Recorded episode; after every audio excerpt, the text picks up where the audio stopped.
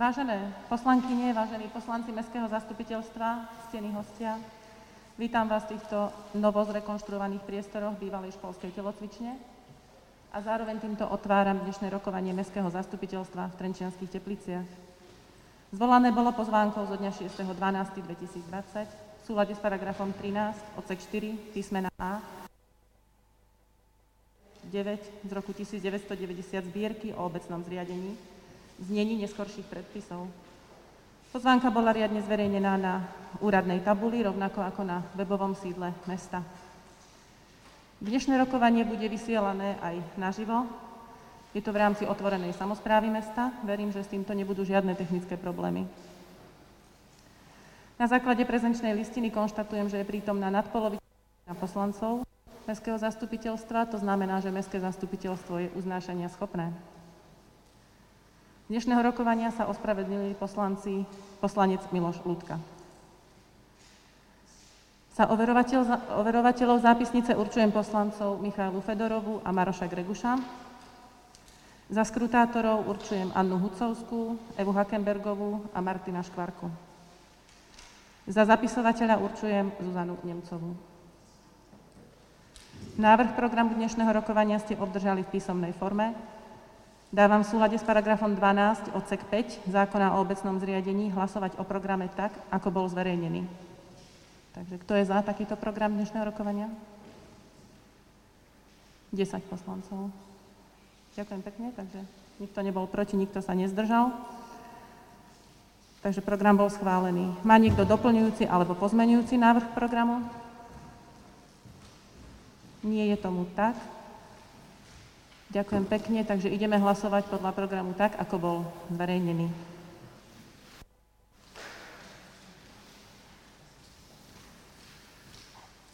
Takže pristúpime k bodu číslo 3, je ním prezentácia projektu k obnove liečebného domu Machnáč.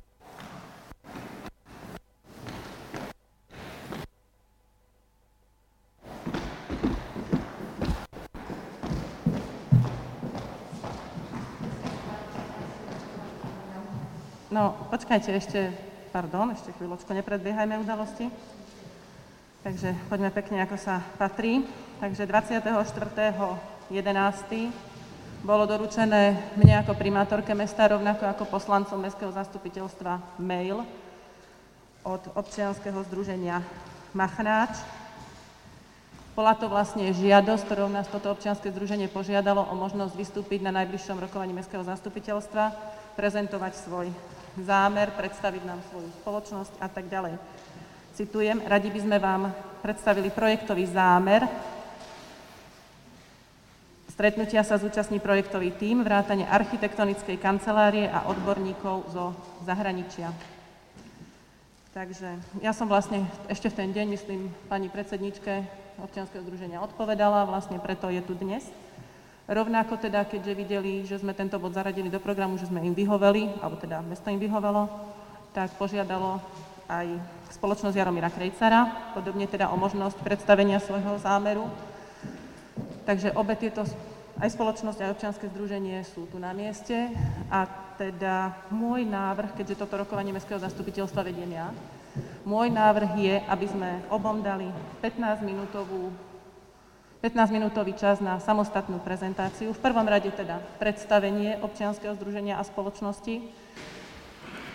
Predstavenie myslím aj personálne a potom predstavenie zámeru, aký majú zliečený domov Takže toľko z mojej strany navrhujem 15 minút jedný, 15 minút druhý a potom nastane priestor na otázky. To je teda môj.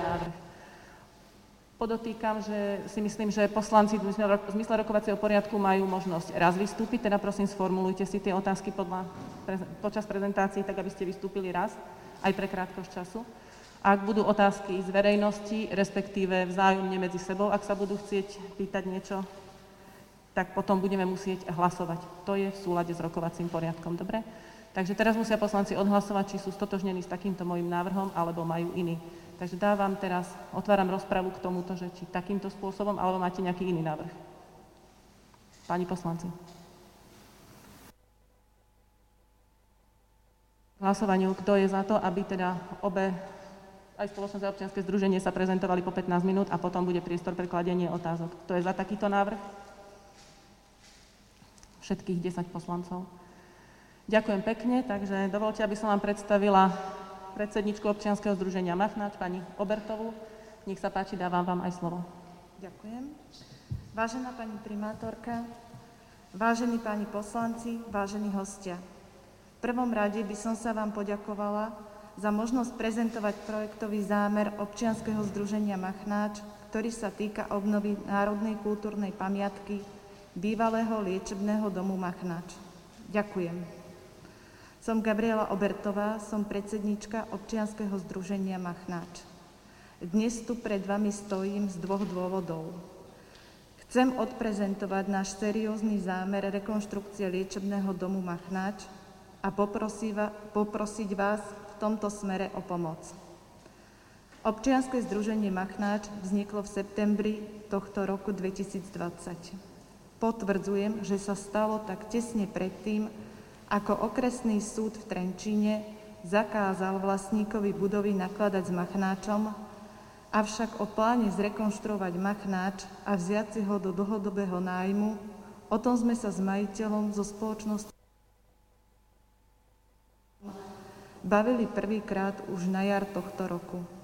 Teda zhruba 6 mesiacov pred zatiaľ neprávoplatným rozhodnutím okresného súdu. Hoci sme na trhu krátko, už od septembra bojujeme so štvavou kampaňou voči nám i nášmu zámeru – a úprimne je mi to ľúto.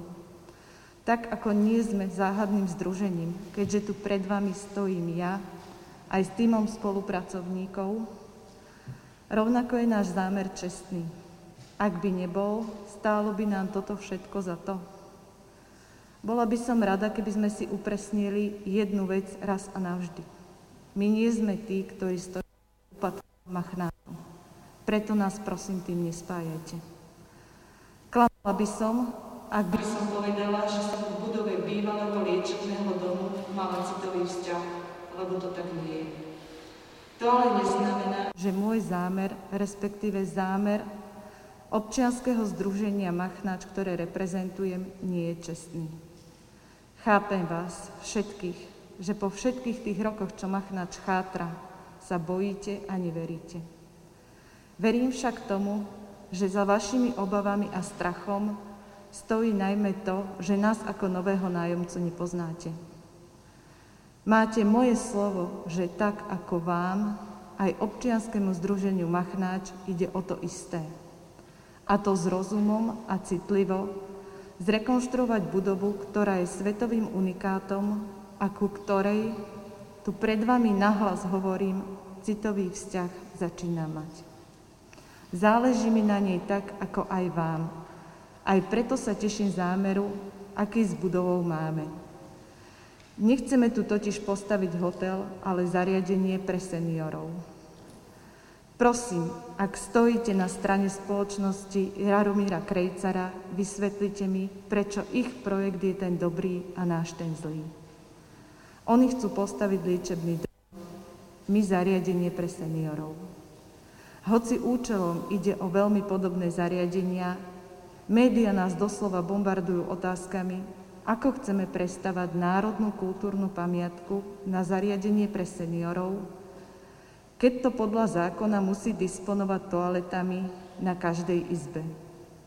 Ale nebude ten istý zákon platiť aj pre zámer spoločnosti Jaromíra Krejcara, ktoré chce časť budovy ponechať ako liečebný dom? Podľa mňa áno. Aj oni budú musieť mať v liečebnom dome na každej izbe toalety. Tak či onak, baviť sa o ich zámere je irrelevantné. Nie sú ani majiteľom budovy, ani nájomcom. Toalety, rekonštrukcia či akékoľvek ďalšie problémy, ktoré nadídu. Verím, že všetky veci budeme vedieť vyriešiť spoločne s vami, s ministerstvom, s pamiatkármi a nájdeme spoločnú reč. Verím, že nie ste fanúšikmi vyvlastnenia. Veď ide o tak zásadný zásah do súkromného vlastníctva, aký by na Slovensku nemal obdoby. Verím, že sa nechcete stať reprezentantmi tohto kroku a tým aj súkromným investorom dať na zreteľ, že ich investície nie sú vo vašom meste chránené. Verím, že Slovensko je právny štát. Verím v zdravý rozum a pochopenie.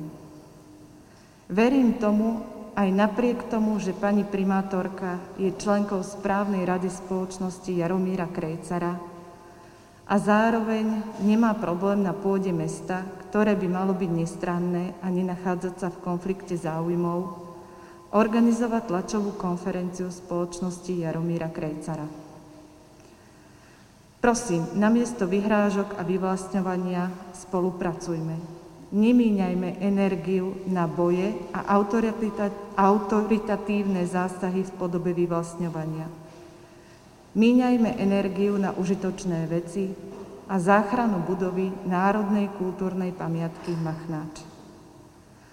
Keď sme si na tlačovú konferenciu zorganizovanú na pôde mesta, ktoré malo byť nestranné, dovolili prísť, Média sa ma spýtali otázku, prečo práve Machnáč. Zdôvodnenie je viacero. Od dobrej lokality, vhodnej budovy pre takéto zariadenie, až po jeho niekdejšiu slávu, ktorú, verím, vieme pri spustení domova sociálnych služieb zužitkovať. Hoci pôsobíme na trhu krátko, na realizácii našich plánov už pracujeme vo veľkom. Máme tým ľudí, pripravujeme potrebné dokumenty, hľadáme financovanie. To nie sú záležitosti, ktoré budú hotové v priebehu dňa.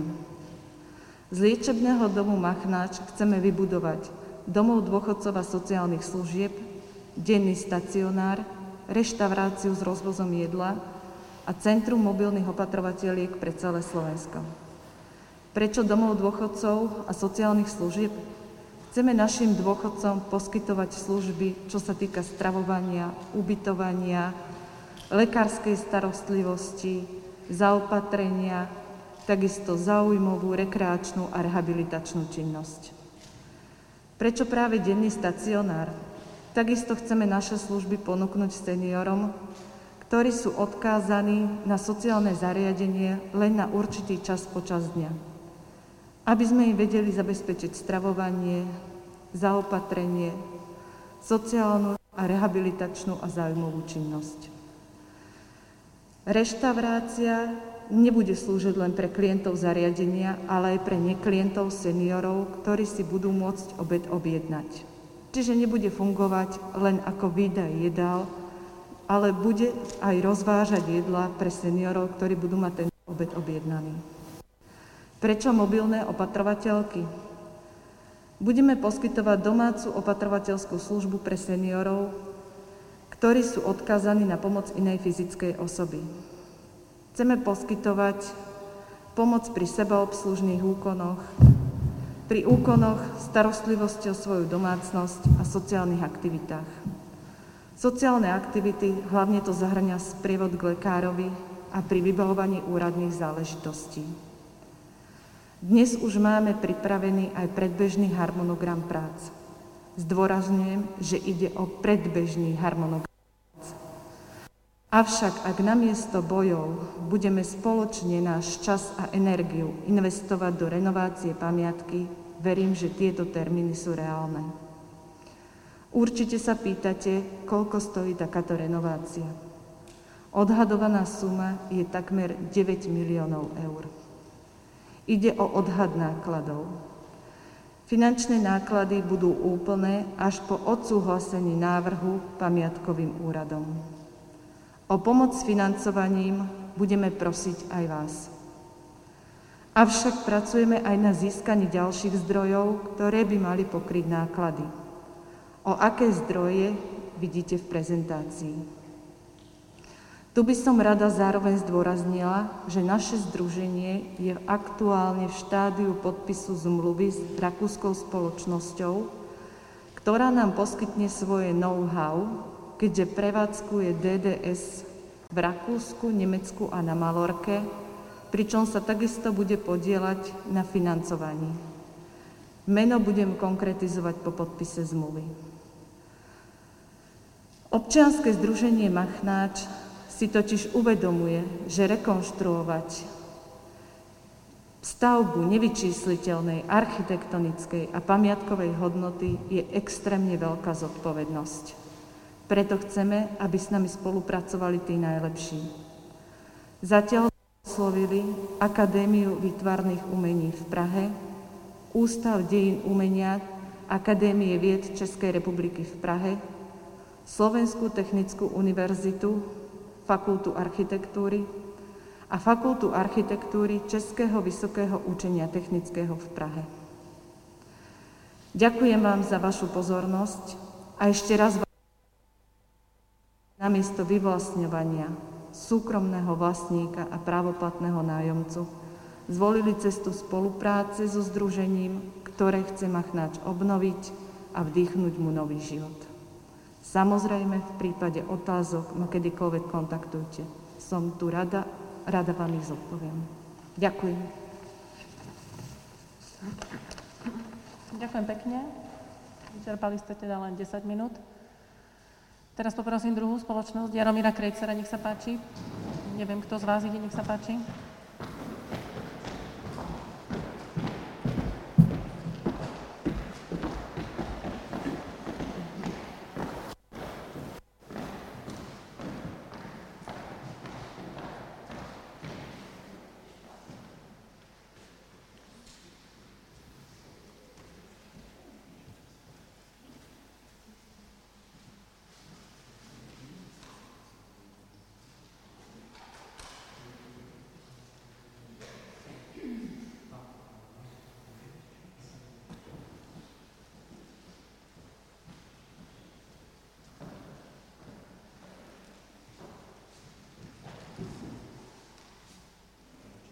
Takže dovolte, aby som vám predstavila pána Martina Zajíčka, riaditeľa spoločnosti Jaromíra Krejcera. Nech sa páči, máte slovo.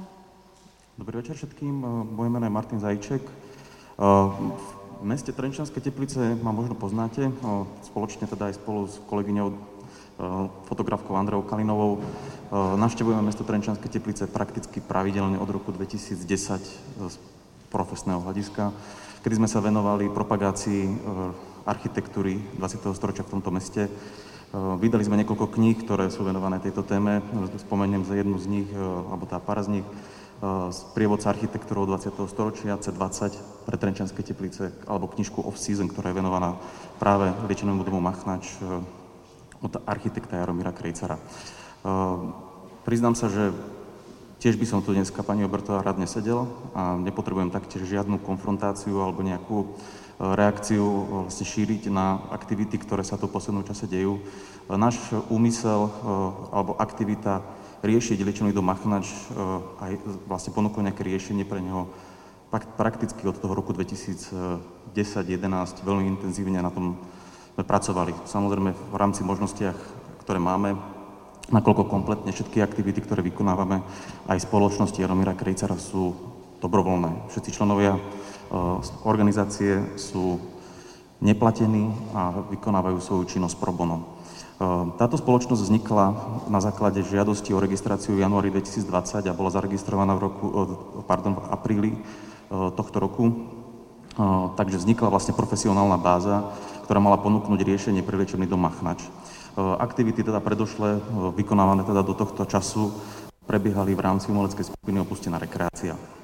I tak iba spomeniem, že e, vlastne my sme sa poslednýkrát stretli s, majiteľom z očí v oči objektu v roku 2012, keď bol majiteľom Slovakia AS. Stretli sme sa s pani riaditeľkou kúpelou, pani Puskajler a s pánom Tomášom Vrankom, kde sme im teda ponúkali nejakú formu spolupráce na riešenie stavu tejto národnej kultúrnej pamiatky. Ako iste viete, od toho momentu e, liečený dom Machanač prechádzal cez veľmi veľké množstvo rôznych schránkových firiem, e, ktoré z pravidla už začali byť e, aj mimo Slovenskej republiky a teda mimo jurisdikcie našich, e, našich zákonov. Jak teda pozerám, že už prezentácia beží, jak by som teda mohol povedať, teda ten príbeh zhruba je takýto. Spoločnosť teda vznikla v apríli 2020 a teda spojila všetky rôzne, teda spojila všetkým aktérov, ktorí, ktorí to veci chcú pomôcť. A je to predovšetkým predsedkynia správnej rady pani docentka Bohunka Koklesová na obrázku v prvom, ďalej členovia správnej rady v hornom riadku profesorka Henrieta Moravčíková zo Slovenskej technickej univerzity z fakulty architektúry, pani primátorka, pani Ďurmeková vzhľadom na to, že sme si vedomi toho, že takýto zámer, takéto veľmi veľkej významnej investície, ktorá presahuje samozrejme hranice regiónu, nemôže byť realizovaný bez podpory miestnej samozprávy. Ďalej členmi správnej rady je teda fotografka Andrea Kalinová, ja vykonávam teda funkciu riaditeľa. Členkou správnej rady je aj profesor, pardon, docentka Lubica Vitková, čo je v súčasnosti prorektorka Slovenskej technickej univerzity v Bratislave. Eh, právne služby nám zabezpečuje firma Dentons, ale jak som spomínal, všetky, všetky sú vykonávané pro bono. Eh, takže možno, ak by som mohol iba povedať toľko k tomuto, eh, ten zámer, vlastne, ktorý vám dneska takto za chvíľku odprezentujem, nie je nejakou reakciou na nejaké aktivity, ktoré sa dejú z nejakej inej protistrany. Vznikol z našej vnútornej povinnosti ponúknuť relevantné riešenie pre liečený dom Machnač aj vzhľadom na to, že eh, od roku 2018 v podstate súčasný vlastník Georland Trade eh, nebol v súčinnosti so žiadnou zložkou verejnej správy, teda či už je to eh, miestna samozpráva mesta Trenčanské teplice alebo Krajský pamiatkový úrad. My, keď sme založili organizáciu, sme samozrejme kontaktovali majiteľa a alebo otvorili diskusiu o tom, že by sme objekt chceli odkúpiť, aby sme ho mohli následne obnoviť podstate až do momentu, kedy sme mali dohodnutú obliadku objektu spoločnú aj so, znalec, so znalcom, ktorý by nám vlastne ponúk, poskytol nejaký obraz o technickom stave, ako aj o všeobecnej hodnote objektu. Deň pred týmto plánovaným stretnutím náhle prestal komunikovať, stretnutie zrušil a následne teda sa odmlčal a inicioval odpredaj objektu, alebo ohlasil odpredaj objektu za sumu 1,5 milióna eur ktorú teda v zmysle zákona 49 2002 o ochrane pamiatkového fondu v predkupnom práve ponúkol štátu zastúpeného ministerstvom kultúry. V podstate toto nejakým spôsobom avizovalo, že s nehnuteľnosťou sú opäť plány prepísať ju na inú, pravdepodobne schránkovú firmu, kde by teda opäť došlo k tomu, že akákoľvek reakcia zo strany Krajského pamiatkového úradu alebo iných kontrolných orgánov by vlastne začala odznova. Preto v podstate sme následne aj my začali, vlastne sme iniciovali vyhlásenie predbežného by takýto krok zabránil, aby vlastne vznikol časový priestor jedného roku, počas ktorého by mohlo dôjsť k riešeniu. A áno, krajného riešenia, vzhľadom na to, že dohoda nebola možná a pamiatka naďalej chátra, to, to krajné riešenie je vyvlastnenie v zmysle zákona 282 lomeno 2015. A teda, aby sme sa rozumeli, vyvlastnenie nie je, že váš štát príde, zaklope na dvere a zoberie vám váš majetok. Vyvlastňuje sa za všeobecnú hodnotu. Takže v prípade liečeného stovkách tisíc eur, ktoré tento objekt má cenu. Jak by som mohol teda, teda prezentáciu, že by sme šli ďalej, čo sa týka samotnej funkcie, ktorú my sa nejakým spôsobom prezentujeme, e, tu vlastne otázka nie je, že čo je verejná, e, čo je e, lepšie, nejaká sociálna. sa bavíme o tom, že čo je pre tú pamiatku vzhľadom na riešenie najlepšie, ktoré zachová v plnej miere jej, jej hodnoty a jej architektúru. V podstate vo svete máme niekoľko príkladov veľmi významných pamiatok UNESCO, ktoré sú práve e, z tohto obdobia, ako je Liečilito Makrač. E, konkrétne je to teda internát Bauhaus od architekta Valtera Gropia alebo sanatórium Paimio vo fínskom Paimiu, teda od architekta Alvara Alta. My sme presvedčení, že tieto pamiatky, alebo teda ešte, ešte jeden príklad za všetky, tiež takýto, takáto ruina dlho chatrajúceho sanatória Zonestral v Holandsku, Všetky tieto tri spomínané pamiatky sú pamiatkami UNESCO a my sme presvedčení, že by sa k nim mal zaradiť aj liečebný dom Machnač a že na to splňa všetky predpoklady. Čiže perspektíva aj našej činnosti je časom iniciovať zápis tohto kultúrneho dedictva do zápisu medzi Svetové kultúrne dedictvo UNESCO. V podstate na to, aby sme nejakým spôsobom poukázali samozrejme aj hodnotu samotnej pamiatky Machanča sme pristúpili k príprave komplexnej stratégie obnovy, vrátane architektonickej štúdie obnovy. Sedí tu aj môj kolega architekt Martin Varga z ateliéru VO, ktorí spolo, spoločne s autorizovaným architektom Martinom Kvitkovským vypracovali v priebehu roka 2020 od leta prakticky architektonickú štúdiu, ktorá bola prezentovaná minulý týždeň verejne na tlačovej konferencii v meste Trenčanské Teplice.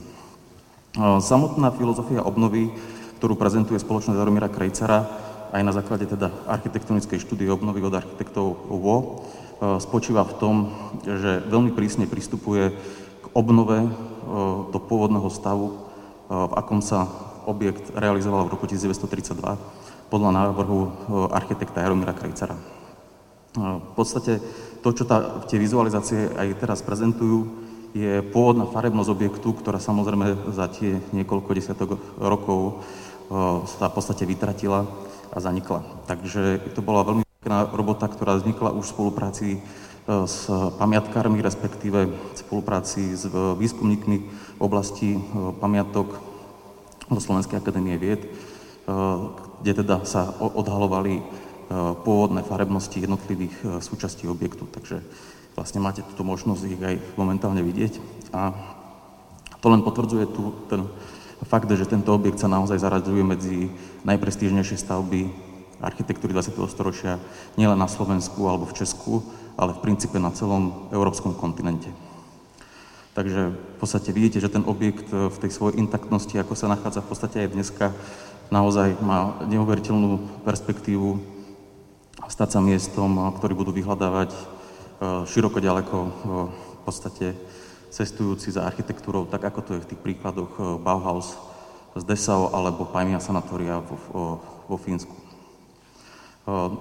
Keď sa bavíme o nejakej funkcii objektu, samozrejme, tá filozofia obnovy aj tej funkcie spočíva v tom, že my nehľadáme nejakú funkciu, ktorá tento objekt eh, vlastne využíva. Teda nie v zmysle, že eh, forma nasleduje funkciu, tak ako teda objekt vznikol, ale teraz vlastne ju obraciame a teda funkcia nasleduje formu. To znamená, že nesnažíme sa prispôsobovať eh, ani tie jednotlivé miestnosti do nejakého súčasného sociálneho štandardu, lebo napríklad ako sú to tie príklady spomínaných e, fínskych alebo nemeckých príkladov, nikde k tomu nemôže dôjsť vzhľadom na tú e, vysokú hodnotu týchto pôvodných riešení. Takže v podstate objekt prísne e, vraciame do, pôvodnej, do pôvodného stavu, alebo obnovujeme do pôvodného stavu, nakoľko v ňom našťastie neboli realizované nejaké významné stavebné zásahy ani priebehu 20. storočia. E, tá funkcia, o ktorej sa bavíme, je v podstate vkladaná a je, je, je efemérna, ona sa môže časom meniť, ale ten primárny zámer, ktorý teraz prezentujeme, je zriadenie dokumentačného strediska architektúry 20. storočia, akožto novej inštitúcie, ktorá by skúmala a archivovala architektúru a teda aj ponúkla mestu Trenčanské teplice nejakú novú funkciu, ktorá by teda bola aj miestom, ktoré budú vyhľadávať odborníci z celého sveta. Zároveň do tohto objektu vkladáme funkciu rezidenčného centra pre umelcov, medzinárodných samozrejme, a následne taktiež obnovujeme pôvodnú funkciu liečeného domu, aj teda za predpokladu, že objekt nebude mať sociálne zariadenie na každej izbe. Nie je to v rozpore s nejakými technickými normami, vzhľadom na to, že pamiatka je v každej technickej normy v princípe ospravedlnená, alebo teda respektíve není posudzovaná ako pri novostavbách. Čo sa týka odhadovaných nákladov investície, v podstate čiastka na metr štvorcový obnovy takéhoto typu začína niekde na úrovni 3000 eur na metr štvorcový. Pri čím vážnejšia stavba, alebo teda aj prísnejšia obnova, tým tieto sumy narastajú astronomicky. Znamená to, že vlastne v našom prípade začíname niekde na čiastke 12 miliónov eur, ale osobne sa skôr sám prikláňam k čiastkám, ktoré sa budú veľmi blízko blížiť v sume 20 miliónov eur. Sú to prostriedky, ktoré samozrejme nie je možné zohnať z nejakých súkromných zdrojov, alebo teda nemôže pokryť žiadny relevantný podnikateľský zámer takéto veľké investície. Aj preto vznikla spoločnosť Jaromíra Krejcera ako nezisková organizácia, aby verejný záujem obnovy tejto mimoriadnej kultúrnej pamiatky realizovala s podporou verejných zdrojov, alebo teda výhradne z nich. Neviem, či nám tam ešte zostali nejaké fotografie v rámci prezentácie, ale teda v podstate sa blížime ku koncu, takže asi za mňa si myslím, že zaznelo všetko, čo bolo treba povedať. Môžete sa teda spoločne s nami ešte raz potešiť nejakými peknými obrázkami, ktoré, ktoré teda prezentujú napríklad pohľad do kaviarne s pôvodným nábytkovým vybavením a teda s nejakým náznakom dokumentačného zradiska pre architektúru 20. storočia. No a čo sa týka teda medzinárodnej podpory nášho projektu zo strany inštitúcií, pani kolegyňa predo mnou spomínala, že oslovili e, inštitúcie, áno, oslovili všetky inštitúcie, ktoré s nami už majú nejakú dohodu o spolupráci. Takže asi by som to takto iba uzavrel. A samozrejme, že to, táto podpora bola prezentovaná už v prvej tlačovej správe, ktorá e, k spoločnosti Jaromíra Krejcera zišla a to bolo v apríli 2020 roku. Takže za mňa asi všetko, ďakujem veľmi pekne a samozrejme budem sa tešiť na ďalšie stretnutia. Snáď sa projekt podarí úspešne aj zrealizovať. Ďakujem pekne, zmestili sme sa do času aj v tomto prípade. Tak teraz otváram diskusiu a dávam priestor poslancom Mestského zastupiteľstva na ich prípadné otázky. Takže páni poslanci, kto sa hlási najskôr? Nech sa páči poslanec Roman Krištof, potom pani poslankyňa Fedorová. Moment, máme mikrofón, musíme s mikrofónom. Keďže ideme naživo, musí byť všetko do mikrofónu, upozornenie pre poslancov. Ja by som mal dve otázky tuto na pani, ktorá bola ako prvá, ktorá nám predstavila, že či bude mať to ich občianske združenie aj v prípade, ak by, ak by tento ich zámer nevyšiel, aj o inú lokalitu v meste napríklad, realizovať ten váš zámer niekde inde v Tepliciach, alebo či je to viazané len na ten machnáč, na tú kultúrnu pamiatku. Lebo pár typov by sme vám vedeli určite dať, kde by ste mohli sa realizovať. A čiže to je prvá otázka. A potom druhú otázku, to bude zároveň aj odpoveď, ktorú vy ste spoložili, že prečo dôverujeme spoločnosti Jaromíra Krejcara. Za mňa osobne ja vám poviem asi, lebo som pozeral aj tú tlačovú besedu, ktorá bola asi pred, neviem, týždňom doma. Pre mňa osobne sú to odborníci na to, čo deklarujú, že chcú robiť a na víziu, ktorú predstavujú. Čiže preto im dôverujem ja. Ďakujem.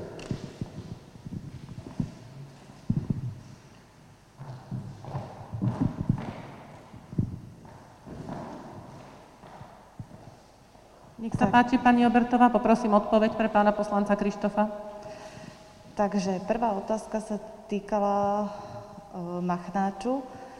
Určite, keď nám, sme už pravoplatný nájomca Machnáču, ale proste, keď nám nie, že nevíde tento zámer, ale budeme určite sa snažiť tento domov dôchodcov a sociálnych služieb vybudovať niekde inde. A je mi jasné, že veríte spoločnosti Jaromíra Krejcara, sme nové združenie, oslovujeme ešte len teraz uh, akadémie, fakultu architektúry, napríklad Fakulta architektúry Slovenskej technickej univerzity nám poslala naspäť list, že môže s nami spolupracovať len na základe toho, aby sme im doložili vlastnícky vzťah k tejto budove kolega povedal, ja nechcem teraz bojovať, lebo my chceme spolupracovať. Nám ide o obnovu tohto liečebného domu. Čiže my sme im poslali nájomnú zmluvu a teraz čakáme vlastne na vyjadrenie k ďalej k spolupráci. Ďakujem pekne. Ďakujem pekne.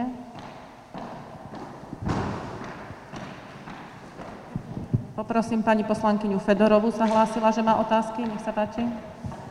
Ďakujem pekne za slovo. Vážená pani primátorka, vážení poslanci, vážení hostia. Ja by som mala opäť otázku na občianske združenie Machnáč. V prvom rade by som rada podotkla aj ako reakciu na vašu prezentáciu, že tu nie sme na súde, sme na mestskom zastupiteľstve A preto nemyslím si, že nám príslucha nejak rozhodovať o tom, komu dôverujeme, lebo vás tu nejdeme rozsudzovať. To je taká prvá vec, ktorú som chcela povedať. A aj z tohto dôvodu nechápem, prečo ste väčšinu vašej prezentácie venovali práve takému vášmu subjektívnemu pohľadu na to, alebo prezentácii vašich názorov o tom, že kto čo robí, ako to robí a prečo to robí. Trošku toto mi tam prekážalo. A nie tomu, že čomu sa reálne venujete, alebo idete venovať. Lebo z tejto prezentácie ja nemám pocit, že viem niečo viac o vás. Na dostupných kanáloch som nenašla vaše stanovy, aj na LVčku e, domu Machnač som nenašla žiadnu informáciu o nájomcovi alebo nájomnej zmluve. Čakala som, že niečo z tohoto možno reálne predstavíte tu. Nedočkala som sa. Takže, aby som došla k tej mojej otázke, moja otázka znie, že či by ste mi mohli povedať, kto všetko sú členmi vášho občianského združenia, či sú to len tí zakladajúci a teda keby ste ich tu mohli predstaviť, lebo ste nikoho nepredstavili, iba seba v podstate, menovite. A, a to by bolo asi všetko. A aké sú ešte funkcie týchto členov, že čo vlastne robia v občianskom združení? Ďakujem.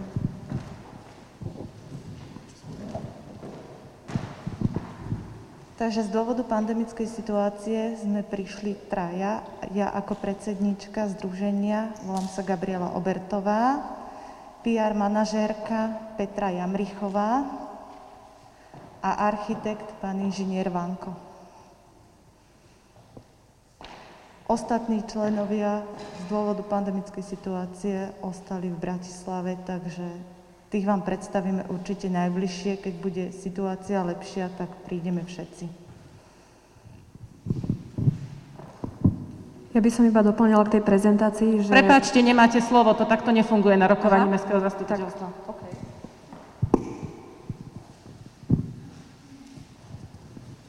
Dobre, ešte z poslancov sa niekto chce niečo spýtať? Pán poslanec Takáč, nech sa páči, po ňom pán poslanec Ravčina a pán poslanec Štúl poradí pán poslanec Takáš, nech sa páči. Ďakujem za slovo, pani primátorka.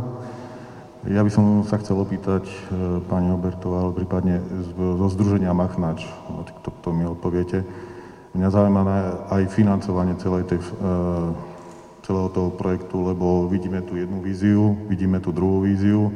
Vy ste prišli, no mám tak, taký dojem trošku pofunúce, hej, keď e, spoločnosť Jaromíra Krejcara že vraj oslovilo mesto už v 2011, čo som, pokiaľ som zaregistroval. A osobne tiež nemám dôvod tu niekomu nádržať, či ste tu vy alebo druhá spoločnosť tiež by som bol rád, aby to bolo postavené, ale viem, že tam boli nejaké problémy s e, krajským pamiatkovým úradom. Rád by som vedel, ako ste e, tieto veci riešili v súlade s vašim projektom. A samozrejme zaujíma ma to, e, to financovanie, aký je plán, plán do budúcnosti, prípadne ďalší krok, toto je prezentácia, chcete to urobiť, čo ďalej. A toto by bola možno otázka, teda otázka aj na spoločnosť Jaromíra Krejcara. Ak som ne, nebol zrozumiteľný, tak vám to môžem, možno, že doplním to vysvetliť. Ďakujem.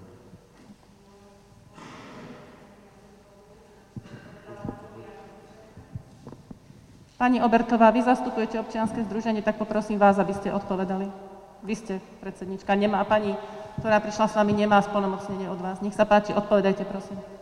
Takže financovanie máme nastavené tak, že budeme určite 2 z daní, vás poprosíme. Ďalej riešime, ďalej riešime ohľadom fondov a ohľadom eh, zahraničných nadácií a takisto, ako som spomínala, tak rakúska spoločnosť, ktorou už máme podpisovať zmluvu, takisto sa bude na tom spolufinancovaní podielať. Najbližšie kroky ste sa pýtali, ako budeme postupovať ďalej. Plánujeme, nájomnú zmluvu máme, momentálne pracujeme na celom, projektovom, na celom projekte, ktorý by mal byť, to by už vám pán inžinier Vanko povedal, hotový na jari roku 2021, ktorý by sme vám potom vedeli odprezentovať. E, s pamiatkovým úradom chystáme potrebné dokumenty. a komunikujeme s pamiatkovým úradom.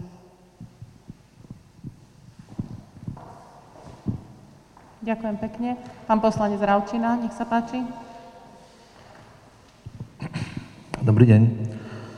Uh, chcel som sa opýtať, že aké máte skúsenosti v oblasti uh, starosti o dôchodcov a či teda v tejto branži podnikáte už, alebo teda sa zaoberáte touto branžou, alebo to je len vyslovene teda kvôli tomu, že sa to má v Machnači zriadiť. To je prvá otázka.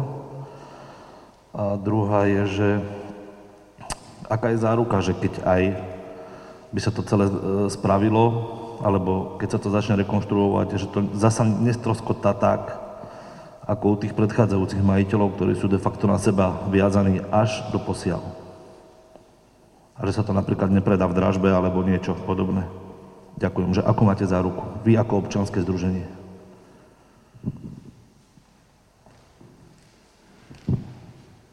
Ďakujem pekne. Pani Obertová, nech sa páči, máte slovo. Ďakujem. Takže odpoveď na prvú otázku. Asi dva roky dozadu som sa začala zaoberať projektami v súkromnej sfére, kde sme riešili viaceré firmy a prišli sme aj k mobilným opatrovateľkám. Čiže hlavne toto mobilné opatrovníctvo nás doviedlo aj v zahraničí k rôznym firmám a na základe toho sme sa rozhodli, že začneme podnika- no podnikať. Začneme budovať tu na Slovensku domov sociálnych služieb aj pre našich seniorov. Keď si to už len z toho hľadiska svojho zoberiete, aj v mojom okolí mám známych, ktorí majú rodičov, o ktorých sa treba postarať a momentálne tých domov dôchodcov je strašne máličko a čakacie doby sú strašne dlhé. Čiže to ma doviedlo k tomuto podnikaniu a takýmto, k takémuto projektovému zámeru.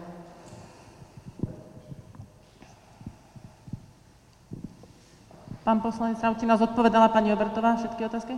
Nie, nech sa páči. Zodpovedajte prosím všetky otázky pánovi poslancovi. Môžem vás poprosiť? Uh, ga, áno, áno. Naše občianske združenie, ja viem, že nám neveríte, alebo máte obavy pred nami, chápem to, Máte moje slovo, že naše občianske združenie nechce, ja nechcem ani bojovať so spoločnosťou Jaromíra Krejcara. Ja by som bola rada, keby sme spolupracovali. A takto míňali svoju energiu spoločne na to, aby sa zrenovoval liečebný dom Machnáč, aby nedošlo k tomu, že liečebný dom Machnáč buď bude vyvlastnený, alebo dojde jeho k totálnemu úpadku. Ja som vám aj na začiatku hovorila, my sme sem neprišli bojovať, my sme sem prišli spolupracovať. A táto spolupráca je ponúknutá všetkým. Či už spoločnosti Jaromíra Krejcara, alebo aj všetkým vám. Ďakujem. Dobre. Ďakujem pekne. Pán poslanec Štúl, nech sa páči, vaše otázky.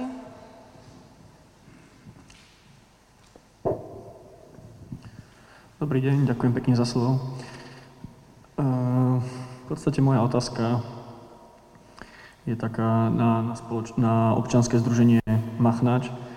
V podstate nedáva mi až tak uh, logiku, prečo by, by sme vám vlastne mali dôverovať v tejto, v tejto prerábke. A to poviem z jedného prostého titulu. A to takého, že poznáme, históriu liečebného domu Machnáč, vieme, že bolo x, rád, x krát medzi vlastníkmi prevádzané vlastníctvo za iné a za iné peniaze a až v podstate, keď okresný súd rozhodol, že vám zakázal, že zakázal majiteľovi uh, nakladať s týmto, s týmto majetkom, tak zrazu pán majiteľ sa dal dohromady s vami ako s občianským združením, ktorí ste vznikli za jeden deň, že, že máte z čistá jasná záujem o prerábku tohto liečebného domu. Kto vám kedy zakazoval, alebo však vy ste mali ako majiteľ, teraz nie na vás, má najlepšiu možnosť pracovať na tomto projekte, odkedy sa na ňo tento majetok previedol. A preto táto, toto, ja to nazvem tak, že divadielko, čo, čo bolo odprezentované, neverím mu ani, ani pol slova, lebo v podstate ide len o to, aby sa tu už konečne nejaká, ja to nazvem že aj úprimná snaha tých ľudí, ktorí robia uh, svoje práce, plus sa venujú aj tomu, aby tá spoločnosť Jaromíra Krejcera už dlhšie obdobie, aby sa vlastne s touto našou kultúrnou národnou pamiatkou niečo spravilo, niečo zrekonštruovalo. tak v podstate idete tu dať nejaký projekt bez, bez financovania, bez, bez nejakého hlbšieho zámeru. Veď toto, čo ste tu dali, túto prezentáciu, tá sa dá spraviť na kolene za dve hodiny. A vy máte x už e, e, mesiacov času ubehlo na to, aby ste nám tu dali nejaké serióznejšie vyjadrenie a my máme teraz akože tomuto uveriť. Prepačte, za mňa ja osobne poviem, že tomuto určite neverím. A, a ani tomu celkovému pozadiu vlastníkov, jak to celé prebiehalo. Takže v podstate to ani nebola nejaká vaša na, e, otázka na vás, iba moje stanovisko, ako ja túto celú, celú, celú problematiku s liečebným domom chápem a vnímam. Ďakujem veľmi pekne za slovo. Ďakujem pekne. Poprosím mikrofón pani Obertovej. Prosím, zodpovedzte na otázky.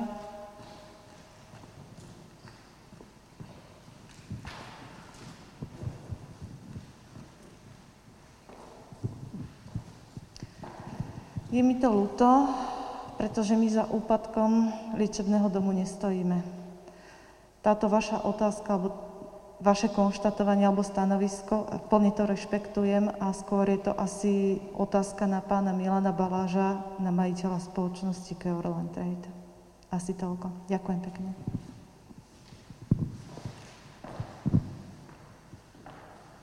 Ďakujem pekne.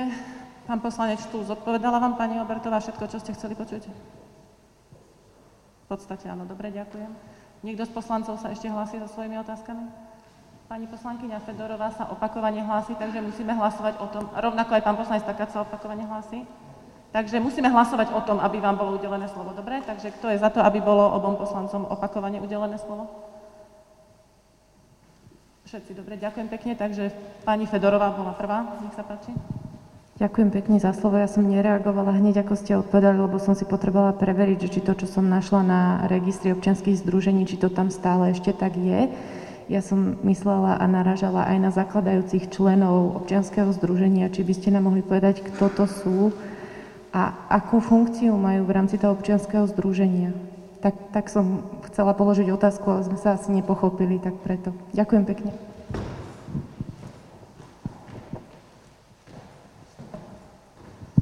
Ďakujem. Pani Obertová, nech sa páči, máte slovo.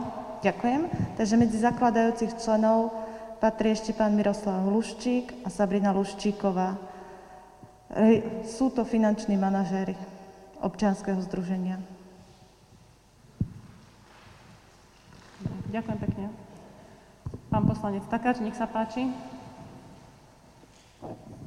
Ja sa len vrátim k znovu, teda ďakujem za slovo ešte raz, ale e, vrátim sa k tomu, čo som dával tie otázky pani Obertovej, že tie otázky som kladol aj na e, občianske združenie.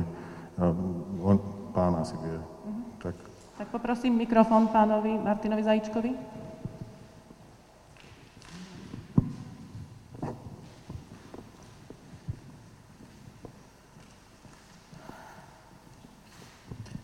Nech Ďakujem. sa páči, pán Zajíček, máte Áno, takže, ak si spamätám, tá otázka teda znela financovanie. K financovaniu poviem asi toľkoto. My sme boli už v priebehu minulého roka na niekoľkých pracovných stretnutiach aj v rámci Ministerstva kultúry Slovenskej republiky.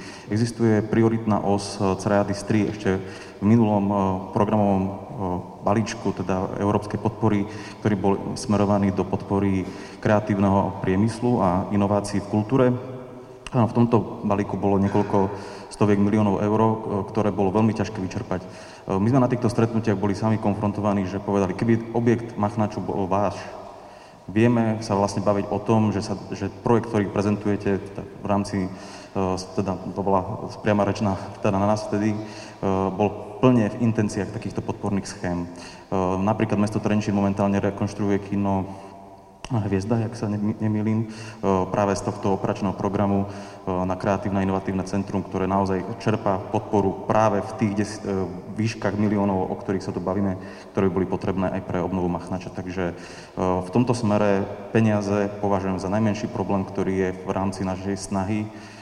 Áno, mrháme tu energiou, bohužiaľ, už 10 rokov, ale peniaze v podstate momentálne nie sú problém pre investície podobných charakteru, podobného charakteru a teda čakáme na zverejnenie víziev aj v rámci programu obnovy, o ktorom sa hovorí, kde vlastne Slovensko bude čerpať desiatky miliard eur a máme informácie z Ministerstva kultúry, že istá časť z nich nie je zanedbateľná, bude smerovaná aj cieľene do podpory projektov na obnovu a udržateľnosť národného kultúrneho dedictva.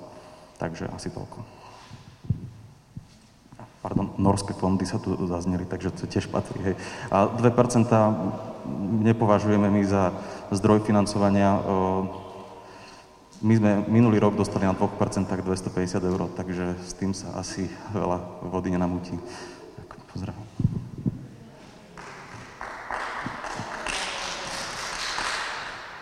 Ďakujem pekne. Ešte niekto z poslancov má otázky? Pán poslanec Ravčina sa opakovane hlási o slovo, takže dávam hlasovať, či mu dáme slovo. Nech sa páči, pán poslanec.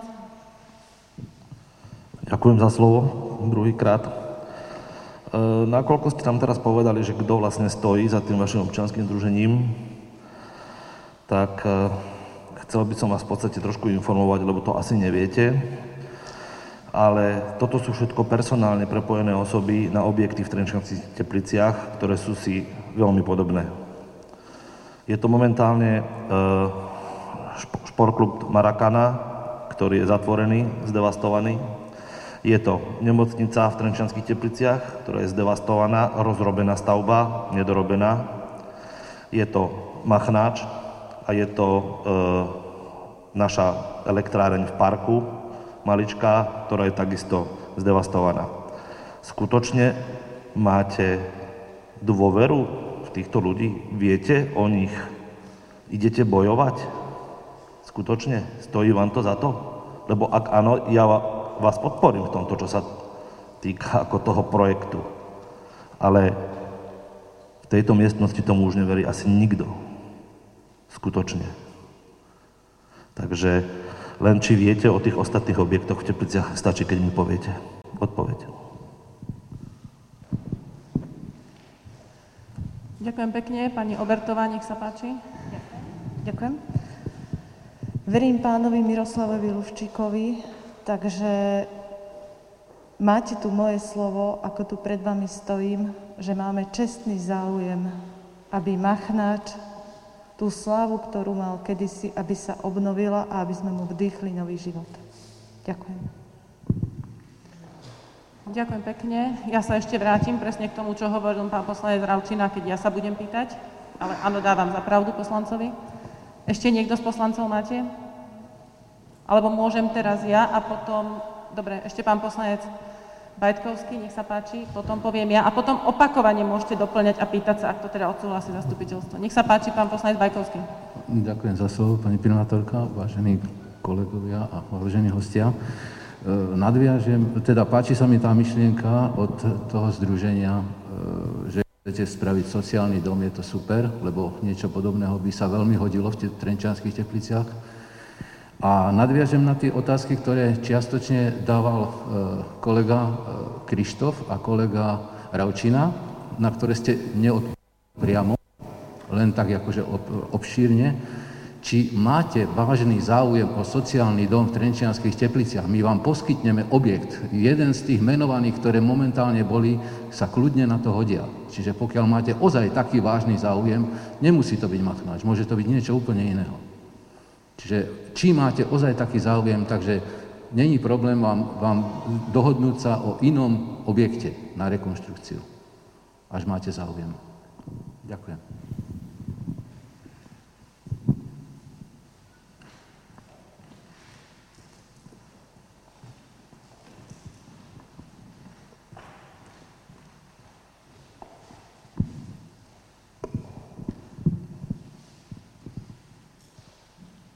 Nech sa páči, pani Obertová. Ďakujem.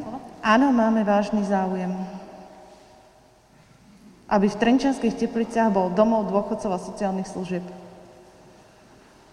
O ostatných veciach sa môžeme baviť, aj keď budú tu aj ostatní členovia. Ďakujem pekne. Pán poslanec Bajkovský, stačí takáto otázka? Vidím, áno, stačí. Dobre, takže Teraz, ak dovolíte, by som sa ja spýtala zo pár vecí pani Gabrieli Obertovej. Poprosím vás, aby ste jej dali mikrofón, pretože budem sa viac veci pýtať.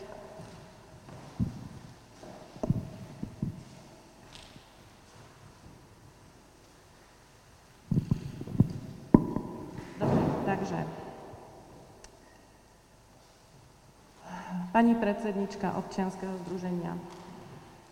Keď sa vás pýtala pani viceprimátorka prvýkrát, aby ste predstavili vaše združenie, nespravili ste tak. Vyhli ste sa vašej odpovedi. Keď som vám ja povedala, že vás žiadam pri začiatku vašej prezentácie, aby ste nám predstavili členov vášho združenia, tak tiež ste to nespravili. Neustále hovoríte, a najprv ste to teda čítali, a teraz hovoríte my, my, my. Ale dnes tu prezentujete teda seba. Pre nás ste osoba neznáma, určite nikto z vás nemá v tejto sále nič proti vám osobne, pretože skutočne sa nepoznáme. Ale tak, ako tu spomenul jeden z poslancov, osoby, ktoré ste dnes dvakrát napriek vyzvaniu nespomenuli, ste ich obišli, tak tie osoby nie sú v tomto meste neznáme. Takže tu je možno aj odpoveď na to, ako ste povedali. Vy ste sa pýtali, vysvetlite mi, prečo ich projekt, teda projekt spoločnosti Jaromíra Krejcara, je dobrý a náš nie. Takže ja mám na to dve odpovede. Pretože vaše projekty nikdy nikto v tomto meste nevidel. Napriek tomu, že sociálnymi sieťami sa šírilo, že ja, teda ja, primátorka, váš projekt zdržujem. A autorom tohoto nehorázneho výmyslu je práve jeden zo zakladajúcich členov vášho občianskeho združenia, pán Miroslav Luščík. Takže, pretože to nikto ten váš projekt nevidel, pretože ten projekt nikdy tomuto mestu, ani poslancom, ani stavebnému úradu, ani nikomu doručený nebol a napriek tomu nás takýmto nehorázným spôsobom napadáte. Takže toľko z mojej strany. Ja vám napriek tomu ďakujem, že ste prišli. Vidím to ako šancu, že vlastne vy sami odhalujete vaše pozadie, vašu prepojenosť. Tak, jak vám jeden z poslancov povedal, tu nejde len o liečebný dom Machnáč. My všetci, ktorí tu sedíme, aj všetci občania, ktorí to dnes online pozerajú, aj celá verejnosť široká, to berie s hrôzou, ako tento dom dopadol. Ten dom, ktorý má nielen lokálny význam, celoslovenský, iba nadnárodný význam. Len vy si to vôbec neuvedomujete, čo tu predvádzate. Takže to, že ste zaregistro- dali sa zaregistrovať, neviem kedy, 23.9. Na druhý deň ste boli okresným úradom zaregistrovaní. To je, môžeme si o tom myslieť, čo chceme. Vy ste povedali médiám minulý týždeň, to je zhoda náhod. Veľmi zaujímavá zhoda náhod. Ten dátum je totožný s tým, kedy vydal súd to, čo vydal, že vlastne nemôže vlastník, vlastník, ktorý je iba de jure, nie de facto, s majetkom nakladať. Opäť veľmi zvláštna zhoda náhod. Takže toľko asi z mojej strany. Takže ešte raz. Tvrdili ste, že máte dlhodobý nájom s vlastníkom. Vlastník tvrdil, pán Balaš, ktorý bol prítomný minulý týždeň, tvrdil, že rokoval s týmto občianským združením ešte niekedy na jar. Vtedy ste vy ani neexistovali. Takže moja otázka. Je pravda, čo tvrdil pán Baláš, že ste rokovali už vtedy? Už na jar, ako on tvrdil v médiách? Áno, rokovali sme už na jar. Takže rokovali ste. Napriek tomu, že ste neexistovali v poriadku? Kedy bola podpísaná nájomná zmluva? 25. septembra. 25. septembra. Na aké dlhé obdobie bola nájomná zmluva podpísaná? 40 rokov. Ešte raz? 40 rokov. Aha, to je také typické pre isté spoločnosti. 40 rokov nám niečo pripomína. Dobre, ďakujem. Je zaujímavé, že prečo sa to nenachádza na katastri, tá plomba. Prečo to nie ako ťarcha? Na liste vlastníctva sme to dnes pozerali a nenašli sme. To už sú otázky na pána Baláža. Máte tú zmluvu tu so sebou? Môžeme sa na ňu pozrieť? Nemám tú zmluvu so sebou. Nemáte. Dobre.